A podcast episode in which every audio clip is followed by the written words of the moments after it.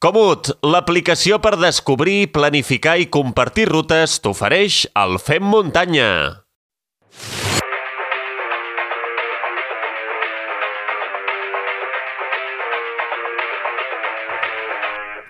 Donem la benvinguda al Fer Muntanya a un amic del programa i ara flamant campió d'Espanya de les Blackyard Ultra.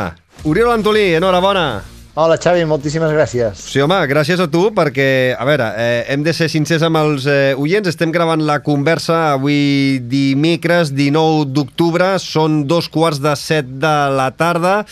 Eh, tu vas acabar, ara farà 49 hores, vas acabar a les 5 de la tarda de dilluns eh, 17 d'octubre. És eh, per posar una miqueta en context, perquè la gent entengui cosetes de les que parlarem a continuació. Res, 48 hores després eh, has, eh, has fet 51 voltes de aquestes Backyard eh, Ultra, el que són 51 hores. Com estan les cames? Com estàs tu físicament? Doncs la veritat és que estic, eh, evidentment estic masegat per tot arreu, uh, però per sort no m'ha sortit cap lesió d'aquelles que surten, que comencen allò que dius a, a apuntar ni res. Estic bastant bé, tinc una, les articulacions, sobretot els, els turmells una mica inflats, amb retenció de líquids, però la resta bé, la resta bé, cansat, eh? Mm -hmm. cansat, sí. Això, això és el mínim. Però per, sí, sí, sí.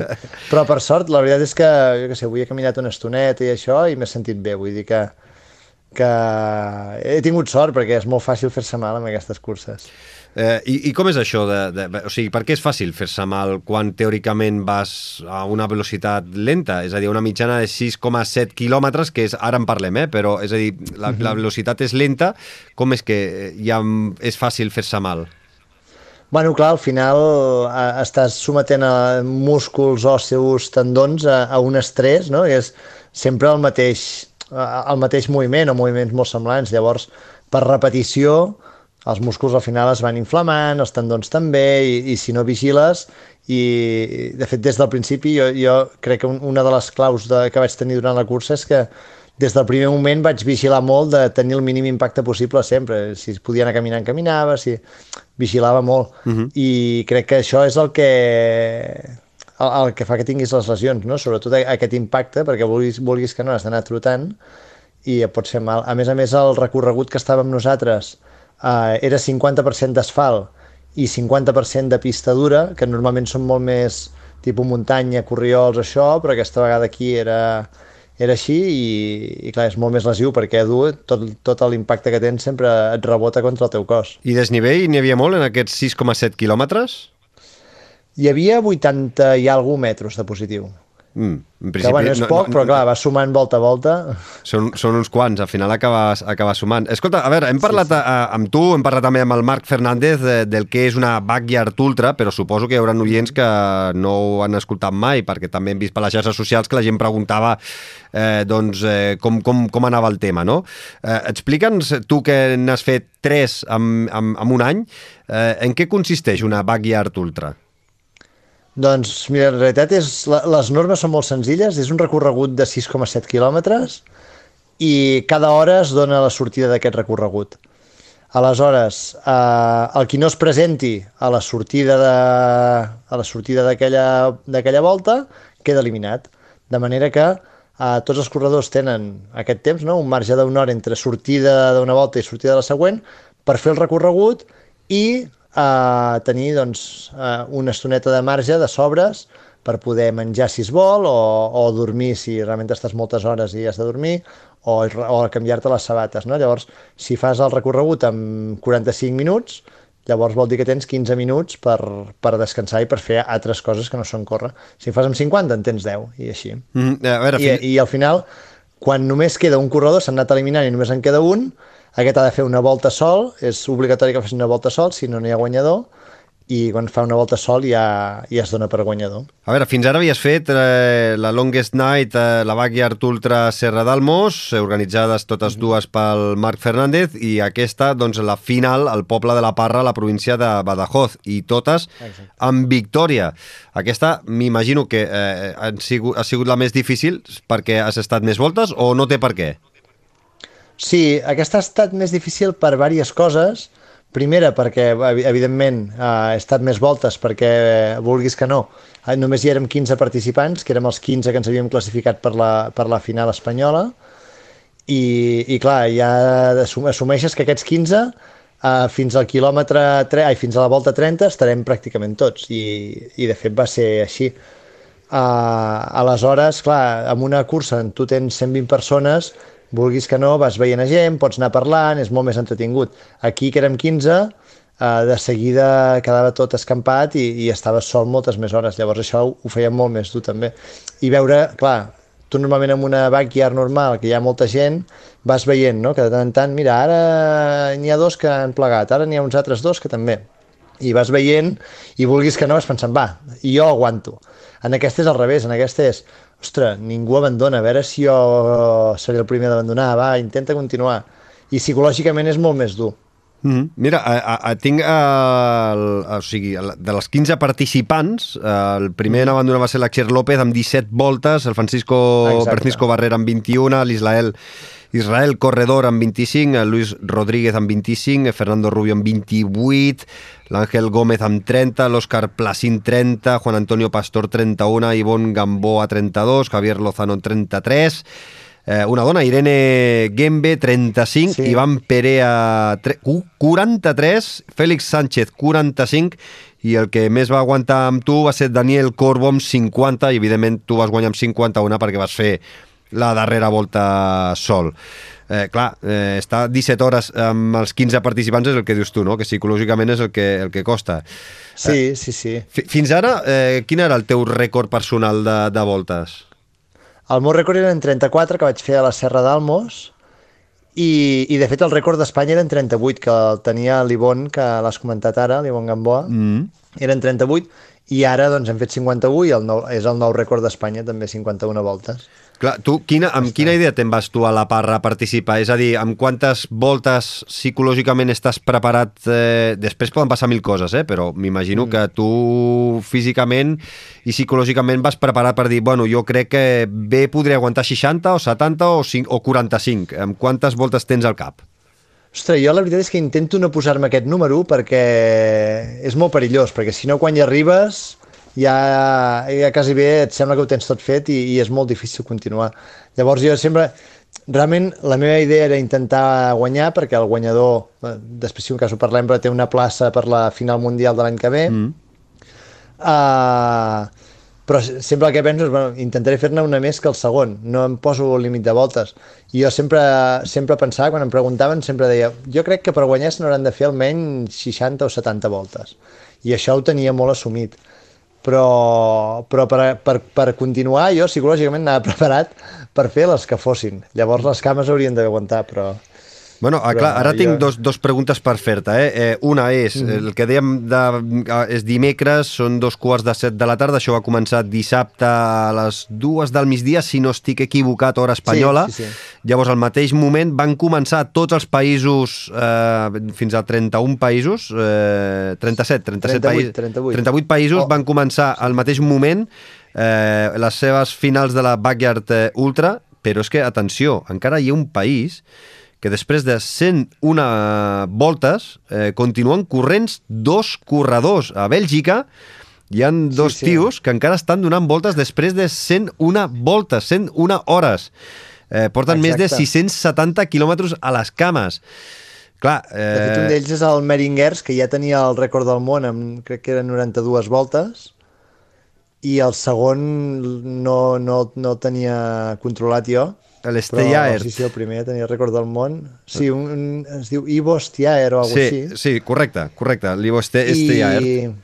Hmm i, i el tio és això, porten 101 voltes tots dos i, i de moment no sembla que hagin de plegar, no sé, no sé fins on arribaran, però, però déu-n'hi-do. Vale, ara deies, eh, tu com a campió espanyol, eh, l'any vinent, a l'octubre, no? 15 d'octubre, em sembla que has dit a les xarxes socials, eh, vas a la final sí, sí, mundial... Sí, 14 o 15 d'octubre, que és. Perquè eh, del 2023, eh, aniràs sí. als Estats Units a la final que organitzarà el Lazarus Lake, que és una mica l'ideòleg d'aquesta autèntica bogeria, una, tram una, una trampa, una ratonera. Eh, sí. Llavors, mm, m'imagino que anirà un d'aquests dos belgues, eh, el que guanyi, porta 101 voltes a hores d'ara, no sé si poden estar-s'hi 24 hores més, ja estan en el rècord mundial, lògicament. Clar, tu sí, sí. et veus capaç de fer més de 100 voltes o no? Bueno, s'haurà Perquè- d'intentar, no? no sé, a veure, jo veig que és molt complicat, molt complicat. Més, més que per les cames i el cansament, és per saber gestionar el tema de, de dormir.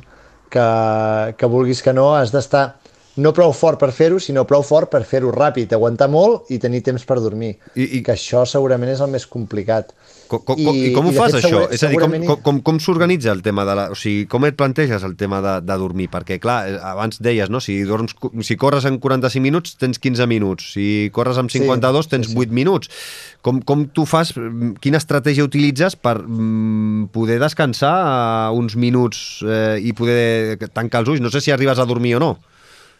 Sí, en aquest, en aquest sentit, jo sempre la meva estratègia era agafar i, i intentar arribar amb 52 minuts, que és un balanç prou bo per anar lent i no, no m'aixecar molt el cos, i tenir això, 8 minuts per, per descansar.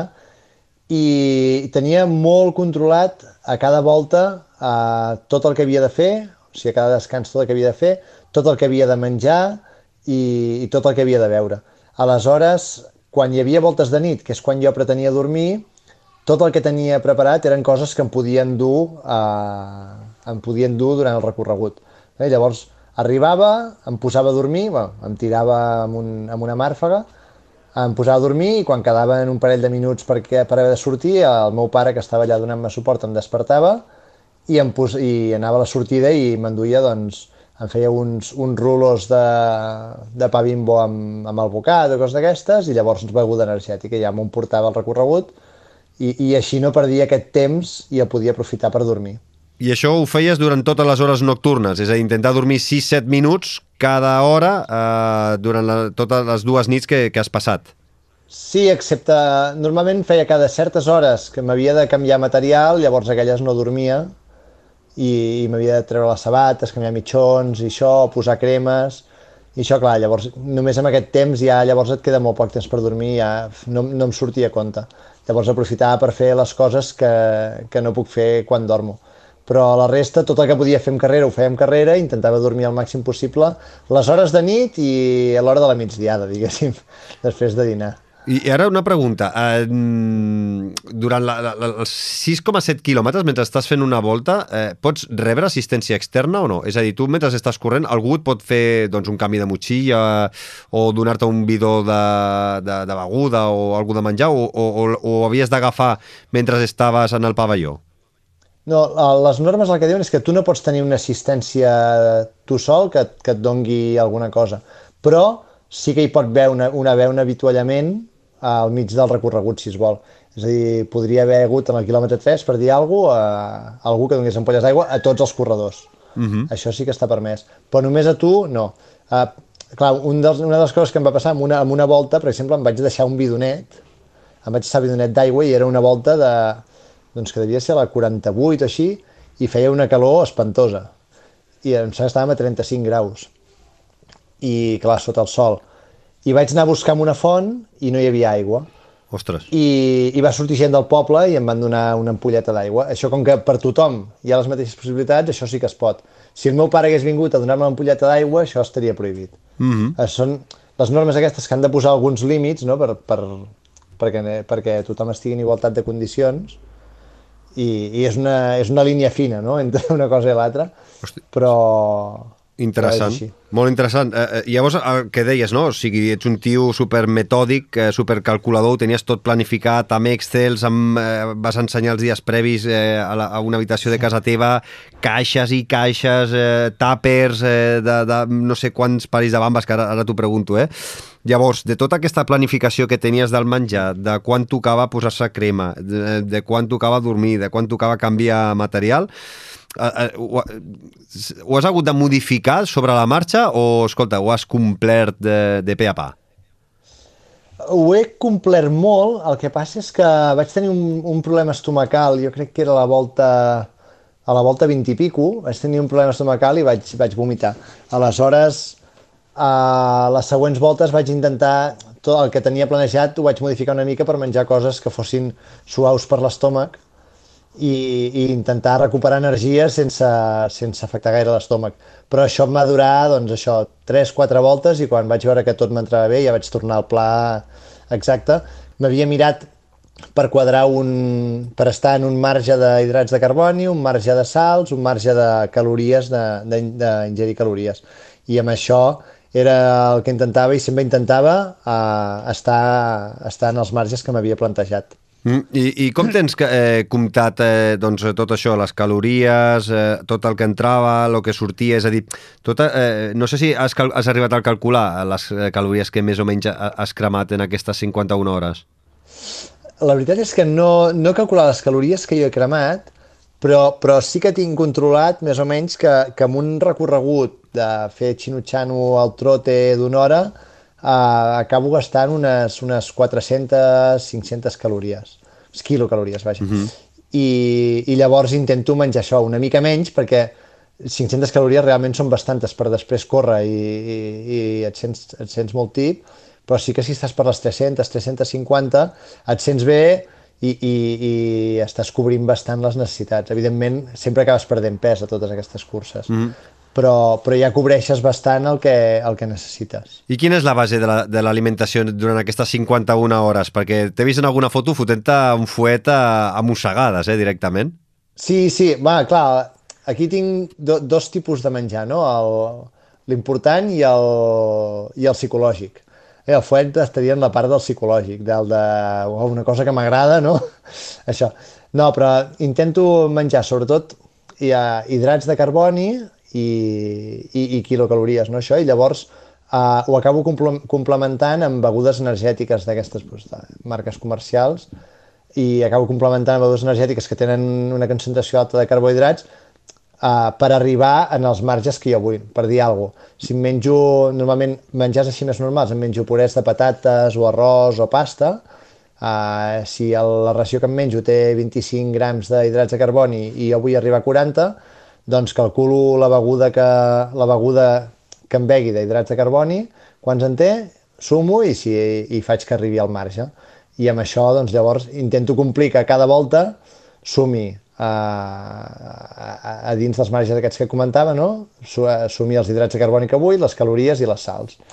I, i per això ho vaig fent en cada volta, bueno, realment ho vaig fent 24 voltes i, i es anava repetint, però, però ho vaig calculant així. Sempre, faig un menjar que, que jo consideri que va bé per una volta, eh, encara que alguns, per exemple, tenen pocs hidrats i moltes calories, però llavors ja em bec bastanta beguda energètica, o alguns ja tenen bastants hidrats i la beguda energètica és poca, o, o bueno, vaig ajustant. Mm, uh, clar, el fet d'haver fet dos backyards uh, en menys d'un any eh, t'ha donat, suposo, un, una experiència a l'hora de coses que creies que feies bé i has hagut de i has canviat i, i t'ha donat aquest plus, no? És a dir, has, ha variat, has variat molt l'estratègia des de la primera, la Longest Night, fins, fins ara o no? La veritat és que he variat molt, he variat molt. La primera vegada que vaig fer uh, no, teni, no tenia molt clar com fer els, els controls aquests que et deia de, del que menjava i, i vaig menjar moltes barretes i molts gels i, i la veritat és que a nivell em va anar bé perquè al final vaig guanyar, però a nivell estomacal, uh, bueno, vaig passar justet, no, no, no vaig acabar de fer bé. A la Longest Night ja vaig canviar una mica i, i de fet hi vaig anar, a la Longest Night hi vaig anar sense moltes pretensions, tot i que al final també vaig quedar l'últim, o sigui, l'últim que va quedar en peu, mm -hmm. I, però sí que ja vaig fer més menjar normal i, i beguda energètica, però sense, sense calcular res de quants hidrats m'estava ingerint. Potser en una volta m'ingeria 130 grams d'hidrats i clar, llavors tenia problemes estomacals perquè no hi estic acostumat. En canvi aquesta vegada he seguit una mica la mateixa estratègia aquesta que la Longest Night, menjar molt més normal i, i després, de fet em menjava hasta biquinis, per, de, mm. el meu pare em feia biquinis. Déu-n'hi-do, déu nhi o sigui, veig que sí. l'alimentació era bastant, bastant oberta en aquest sentit. Sí, sí, sí, menjava així, bastant, menjar, menjar normal, que podries menjar el dia a dia i, i complementat, però sí que aquesta vegada portava molt mirat uh, què menjava de cada cosa. I realment en, bueno, sí que vaig tenir un problema estomacal però el típic que normalment doncs, vas amb més diarrea o això, que, si et passes d'hidrats o si tens problemes que tens riscos de deshidratar-te, aquesta vegada no ho he tingut. Mm, i, I escolta, eh, una, una prova com aquesta que, a part, evidentment, has de tenir potes, has de tenir doncs, les cames, has de tenir el motor, però una prova que crec que la part de coco, la part psicològica, és, és superimportant. Quan tu estàs a la volta 24, 26 i tens problemes estomacals o, com has dit, no? a la 40 i pico que te deixes un, una ampolleta d'aigua, eh, aquesta, aquestes, aquests detalls mm, com, com t'afecten a nivell psicològic? Eh, com, com, és a dir, t'afecten i, eh, eh, més o menys o, bueno, et sobreposes a, no sé, vull dir, com ho A fas? veure, m'afecten bastant perquè al final, clar, eh, tu quan, quan vomites al mig d'una cursa, llavors et sents molt bé, no? Perquè dius, vale, eh, ja no em fa mal la panxa, em sento bé, però ja saps que no tens energia, és a dir, que, que potser en algun moment et quedes que dius, hòstia, no em puc moure més. Llavors, patia una mica per això. Sí que és veritat que una de les preguntes que em fa moltes vegades la gent, que és per què vaig amb motxilla, no? és perquè sempre intento portar uh, un, un pla B per, per, per casos com aquest, precisament. I, de fet, uh, quan em va passar, vaig fer això, em vaig esperar 10 minuts i em vaig prendre un, un gel Morten, que se'm posen molt bé, i, i se'm va posar bé. Eh, El vaig, el vaig ingerir, el vaig di- digerir bé i, i bueno, jo crec que això em va ajudar a poder arribar a la volta i allà, al final de la volta i allà ja vaig menjar una mica més arròs i això, que sempre també es posa bé. I, i intento tenir un pla B per saber que, que bueno, hi ha coses que poden passar. Mm -hmm. Però bueno, sí que és veritat que uh, podria haver tingut un problema en, en aquell moment i, i no poder continuar. De totes maneres, jo quan començo les curses sempre, per, per intentar motivar-me i per intentar uh, evitar tots aquests pensaments, no, sempre penso, bueno, jo no em penso retirar, jo si un cas em faran fora perquè no arribo a temps o alguna cosa, però jo retirar-me no em retiraré. Llavors pensava, bueno, mira, potser no arribes a temps, sí que sense energia i, i s'haurà acabat la cursa per tu, però, mm. però bueno, al final va anar bé. Mm, clar, clar, al final. Escolta, i, i, i com tens, o sigui, com arribes a calcular que el temps bo per tu són entre 51 i 52, 53 minuts de mitjana en, eh, per, per volta? És a dir, com calcules aquest desgast físic eh, que et compensi per poder doncs, eh, descansar, menjar, canviar material? Com, com arribes a aquesta conclusió? Com, com t'ho fas? Mira, la, de fet, la primera vegada que ho vaig intentar calcular els, els temps que creia que eren bons va ser perquè vaig agafar i vaig descarregar-me totes les estadístiques que vaig poder dels, dels bons de les Backyard, diguéssim, i, i vaig mirar quins temps feien. I la gent estava al voltant d'això, al voltant de 50 minuts, alguns 55, alguns 45, eh? Però al final eh, cada circuit també és diferent. Però sí que quan tu et poses a córrer, eh, jo el que intento és que en molts llocs pugui caminar ràpid per tenir poc impacte. Llavors sí que és veritat que alguna volta al principi la fas una mica més ràpida, després la fas més lenta, veus una mica com et sents. Sí que tenir menys de 8 minuts per descansar, o sigui, quan, quan alguna volta has anat més just i t'han quedat 5 o 4, ostres, allò ja, ja és molt estressant, ja no descanses de l'estrès que, que tens perquè has de sortir, llavors, bueno, pensant i provant, jo sempre acabo arribant a la conclusió i de fet aquesta vegada jo pensava que aniria més ràpid i que abans de la cursa, eh, i que tin- tindria més temps per descansar i això.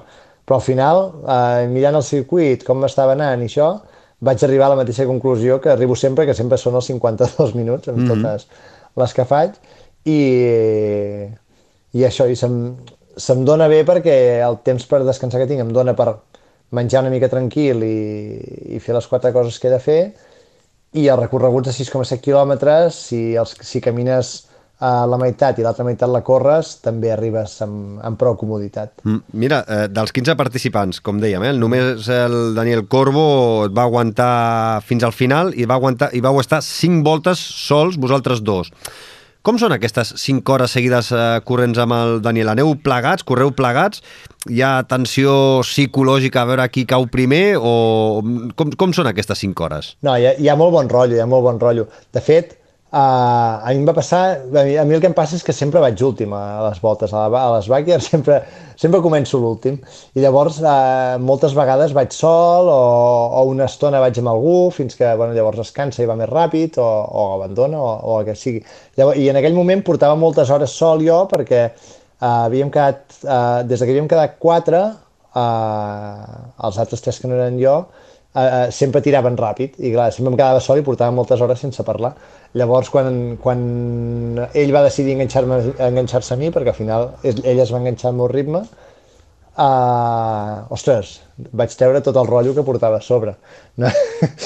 I, i no, vas, al final és xulo perquè vas parlar, bueno, t'expliques la vida i a cada volta vas agafant més confiança i, i bueno, acabes parlant de, dels llocs que, que veus i de les experiències que has tingut al final amb 50 voltes. T'han sortit unes quantes anècdotes i, i vas parlant primer un, després l'altre. I és, és una cursa jo sempre dic que és una cursa molt social, una backyard.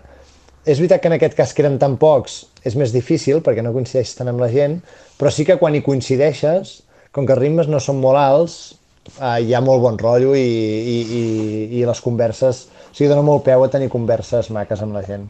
Clar, ara estava pensant jo, vau ser els 15 millors d'Espanya. De, uh, llavors, la meva pregunta és uh, per què abandona la gent, no? És a dir, el Daniel Corbo, per exemple, el segon classificat d'aquesta Backyard Ultra, per què abandona? Per avorriment, per cansament, per lesió, per algun problema? És a dir, què és el que fa que, en el, que, que després de cinc voltes amb tu, al final digui, jo ja no surto, plego?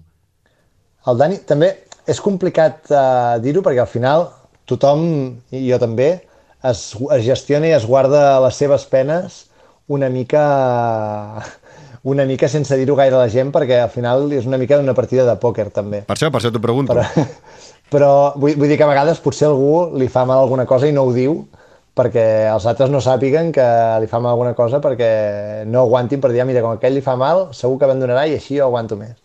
Llavors, a vegades és complicat però el Dani en concret el que li va passar és que a les últimes voltes ja li va començar a fer mal i tenia un problema a la tíbia. Li va, se li va començar a inflamar, és una cosa que es veu que ja li havia passat feia un parell d'anys, em sembla, i a les baixades li feia molt mal. I de fet, l'última volta que vaig fer amb ell uh, la vam fer junts i la vam fer ja més lents perquè ell no podia, no podia anar més ràpid. Mm, clar, I aquí... els altres, la, la majoria de gent acaba tenint dol dolors forts, o sigui, acaben sent lesions no molt bèsties, però dolors forts en algun lloc per, per això, no? per repetició de moviment, el que comentàvem abans. Mm, I, i què tal l'ambient a, a la Parra? Perquè he vist alguns vídeos amb crius, amb Buah. tot el poble, és a dir, això sí, sí. durant les 24 hores estava la gent al pop, de, del poble als, als carrers animant o no?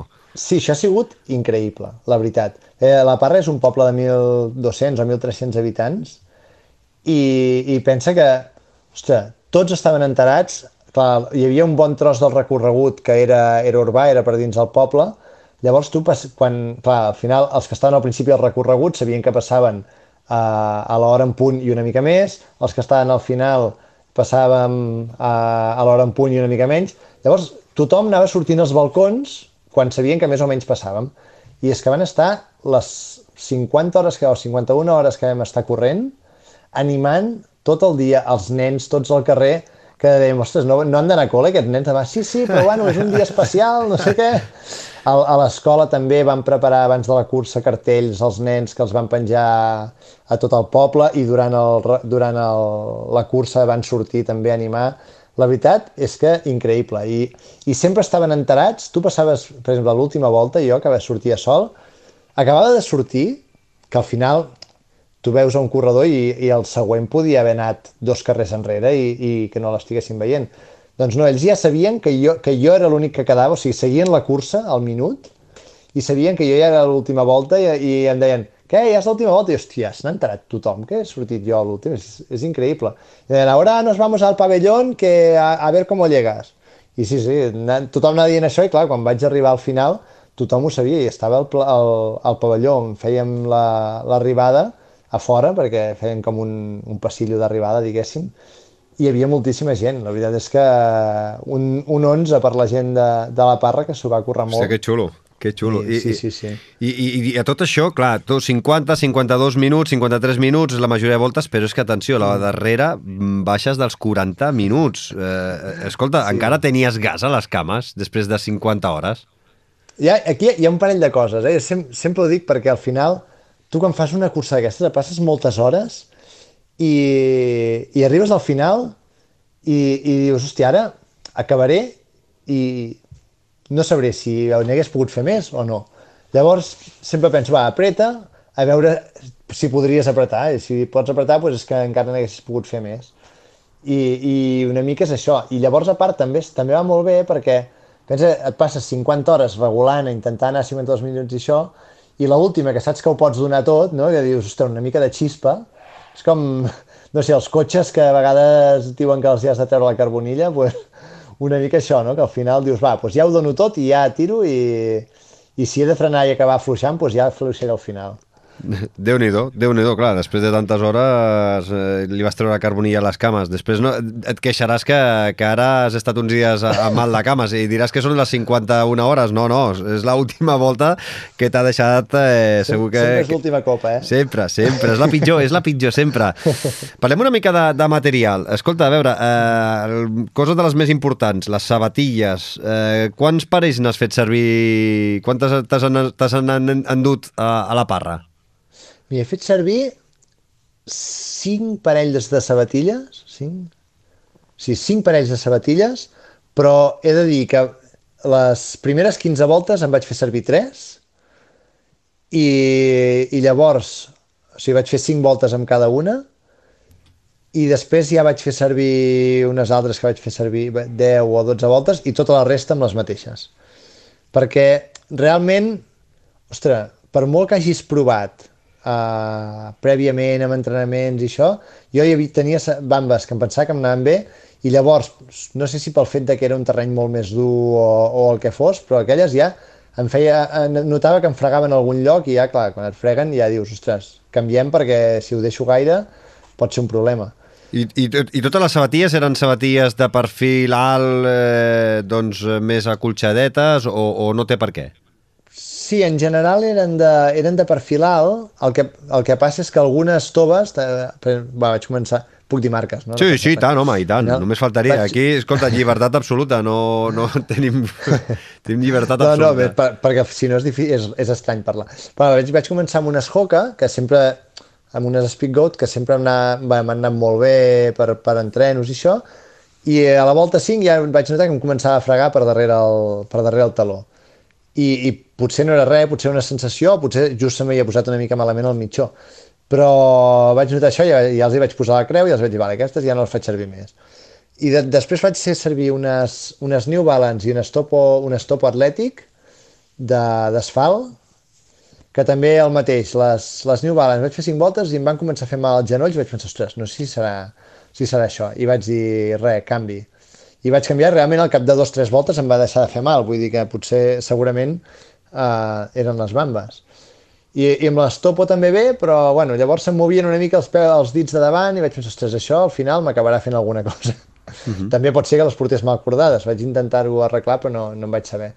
I després ja em vaig posar les, una Saucony Endorphin Trail, que aquestes em van anar molt bé i vaig aguantar moltes hores, i, i sí que és veritat que després les últimes que em vaig posar les tenia guardades com a, com a talismà, per dir-ho d'alguna manera, no? com a, o com a que eren les millors, perquè eren les, les Saucony, les Saucony Endorphin Edge, que són molt semblants a les Trail, que ja sabia que anaven bé, però són molt més lleugeres. Les Endorphin Edge em sembla, Trail em sembla que amb el meu número pesen uh, quasi bé 350 o 370 grams i les, i les Edge, que són les que vaig posar al final, mm -hmm. pesaven 250 i quan ja eh, vaig dir, vale, ara ja comença a ser moment d'assegurar el tiro, llavors em vaig posar les Endorphin Edge i vaig anar fins al final, que devia fer no sé quan, però potser més de 20 voltes amb aquelles. Déu-n'hi-do, déu nhi déu 20 hores eh, amb les mateixes i que siguin les, les més lleugeres que tenies. Sí, sí, sí. Eh, escolta, Oriol, qui t'ha fet l'assistència? El teu pare, algú més o només el teu pare? El meu pare, el meu pare s'ho ha currat molt, la veritat. Vam baixar, vam baixar tots dos així amb tranquil·litat la setmana passada i, i el portava jo a ratlla amb, el, amb, amb, una, amb una taula posat cada cosa el que havia de fer i tot, però no, no, ha anat molt bé, la veritat, sort n'he tingut d'ell perquè, perquè m'ha anat molt bé. I en la distància tenia, tenia la Sílvia i, el, i l'Aniol, el nen, que em anaven enviant vídeos i àudios i, I, i fet... coses, i em van fer una sorpresa de gent que em va enviar àudios allà i els anava escoltant que em motivava durant la cursa. Sí, sí, hem, hem pogut anar seguint a, a través de les xarxes mm -hmm. socials, tant a Twitter com, com a Instagram, i em sembla que ho portava la Sílvia des d'aquí, de, des, des de casa. Sí, sí, sí. Uh, alguna cosa li vaig ensenyar a fer al meu pare i va penjar alguna cosa a ell, eh? Escolta, clar, llavors jo ara em passa pel cap. El teu pare està 51 hores amb tu fent l'assistència, eh, és a dir, a tu et veia cada 52 minuts aproximadament i t'havia tenir tot preparat. Eh, en aquestes 52 hores, el, te, eh, el teu pare, com, en aquestes 51 hores, 52, eh, el teu pare quan ha dormit, quan ha descansat, com, qui, qui li ha fet l'assistència a ell? Doncs sí, no, aquesta és una bona, eh? Que quasi bé es mereixen una, una, una entrevista als, als, als assistents també. Però no, ell, la veritat és que ha dormit molt poc, molt poc també. La veritat és que jo crec que quasi bé és més dur que, que el corredor, que mira, al final corre i està actiu i, i ell està allà. I moltes vegades ha dormit entre voltes, això, però clar, dorm 30 minuts, potser una cosa així, i, i ja està. és que no, no ha dormit més Vull dir que, que el seu és dur com lo, com lo meu, quasi bé. Clar, no, perquè és, és, eh, quan tu marxes, tu trigaràs uns 52 minuts en arribar tu, però en aquests 52 minuts també ha de dedicar-li uns minuts a preparar el que tingueu pensat, de preparar-te el menjar o preparar-te canvi de sabatilles o material o el que sigui, eh, ell també s'ha d'alimentar, de descansar, de dormir i, i, i, clar, i tot això en molts pocs minuts. Vull dir que també sí, sí. Té, molt, té molt mèrit que només tinguis a una persona fent l'assistència. Els altres corredors, els altres 14 corredors, tenien només una persona fent l'assistència o en tenien més? Hi havia varietat, la majoria eren només un, sí. I llavors hi havia algun que no, que no em port... De fet, el Dani Corbo no portava assistència, el que va quedar segon. I... Vol dir que té realment molt de mèrit uh, poder fer una cosa així sense assistència. I com s'ho feia, llavors? Ara, ara m'has obert aquí un meló, clar, com s'ho feia? Perquè tu sí, arribaves i ho tenies la... tot preparat en una taula, ho tenies tot, però ell arribava sí, i sí. havia de canviar-se el material o, o menjar o com...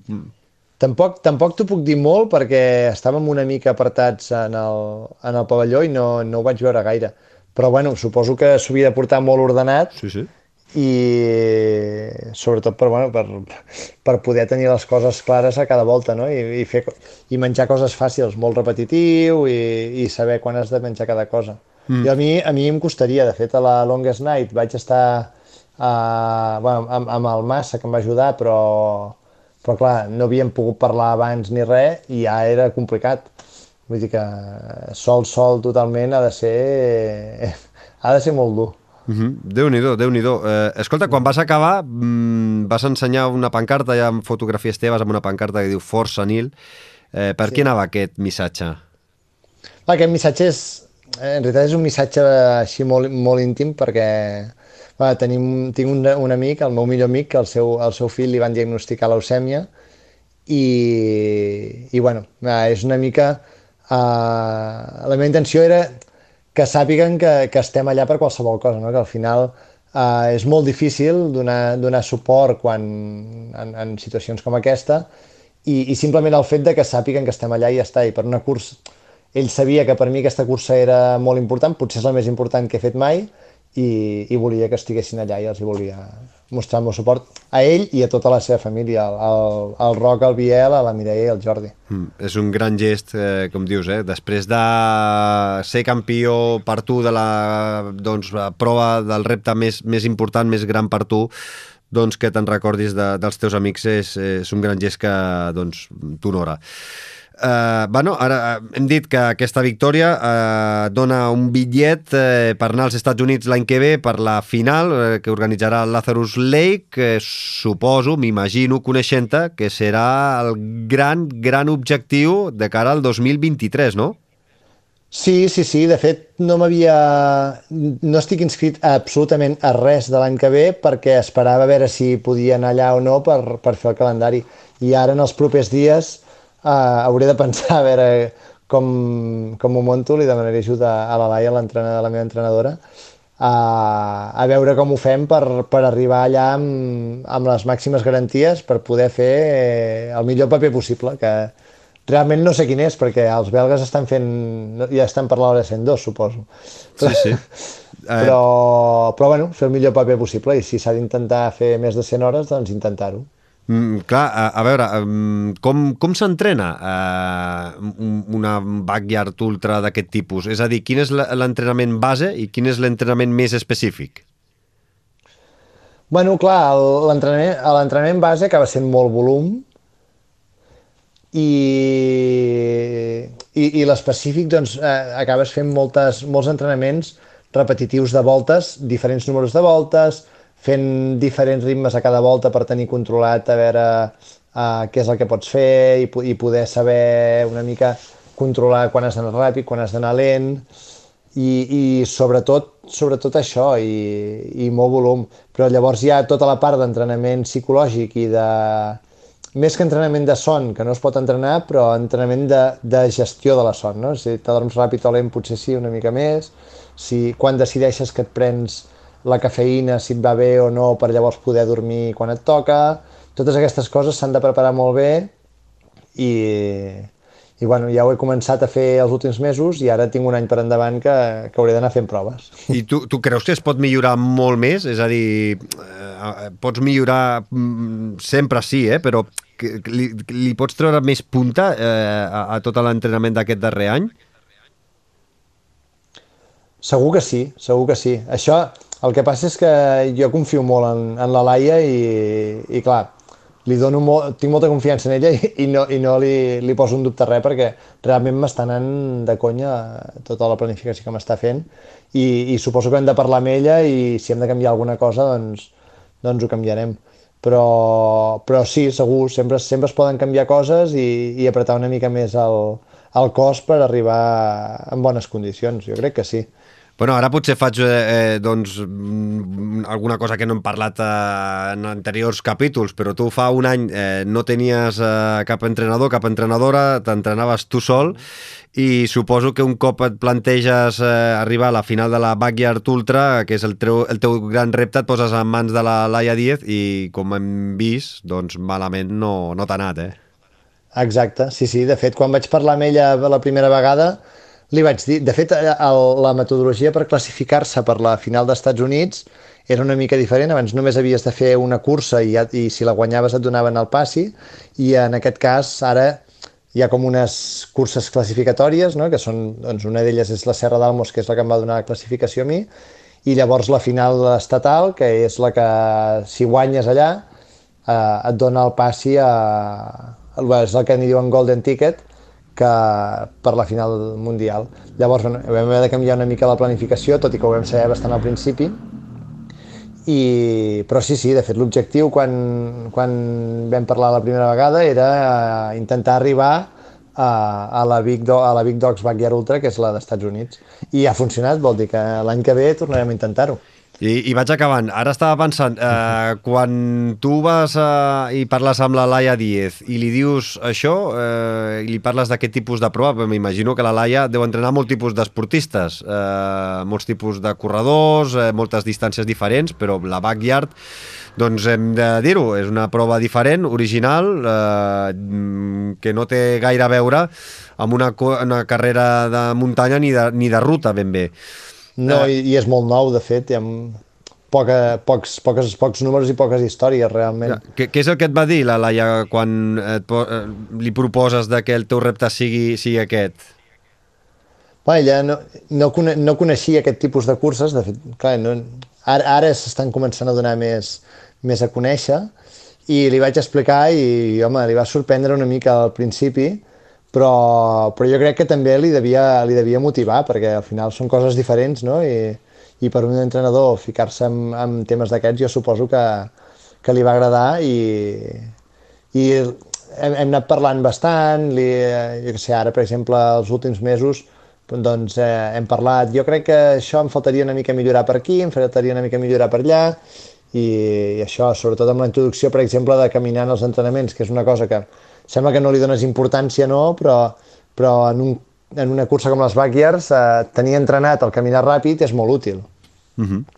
Bueno, escolta, eh, és un quart de vuit de la tarda en el moment que estem enregistrant aquesta conversa. Oriol, eh, hem d'actualitzar, ja porten tots dos, eh, els belgues, 101 tots voltes l'han acabat, així que comencen La volta 102, així que... Increïble, I eh? continuen sumant. Vull dir que uh, la web Spainback, eh, spainbackyardultra.com allà trobareu uh, l'enllaç. Vull dir que si potser escolteu això el mateix dia que es publica el podcast, eh, doncs igual porten ja 110, 115 voltes i podreu veure amb quan acaben el, els, els belgues. Eh? Eh, És, especta increïble, és, és, és increïble, increïble, és increïble, perquè porten ja 4 dies i 6 hores, no? O 4 dies, sí, més de 4 sí, dies. començar a les dues del migdia...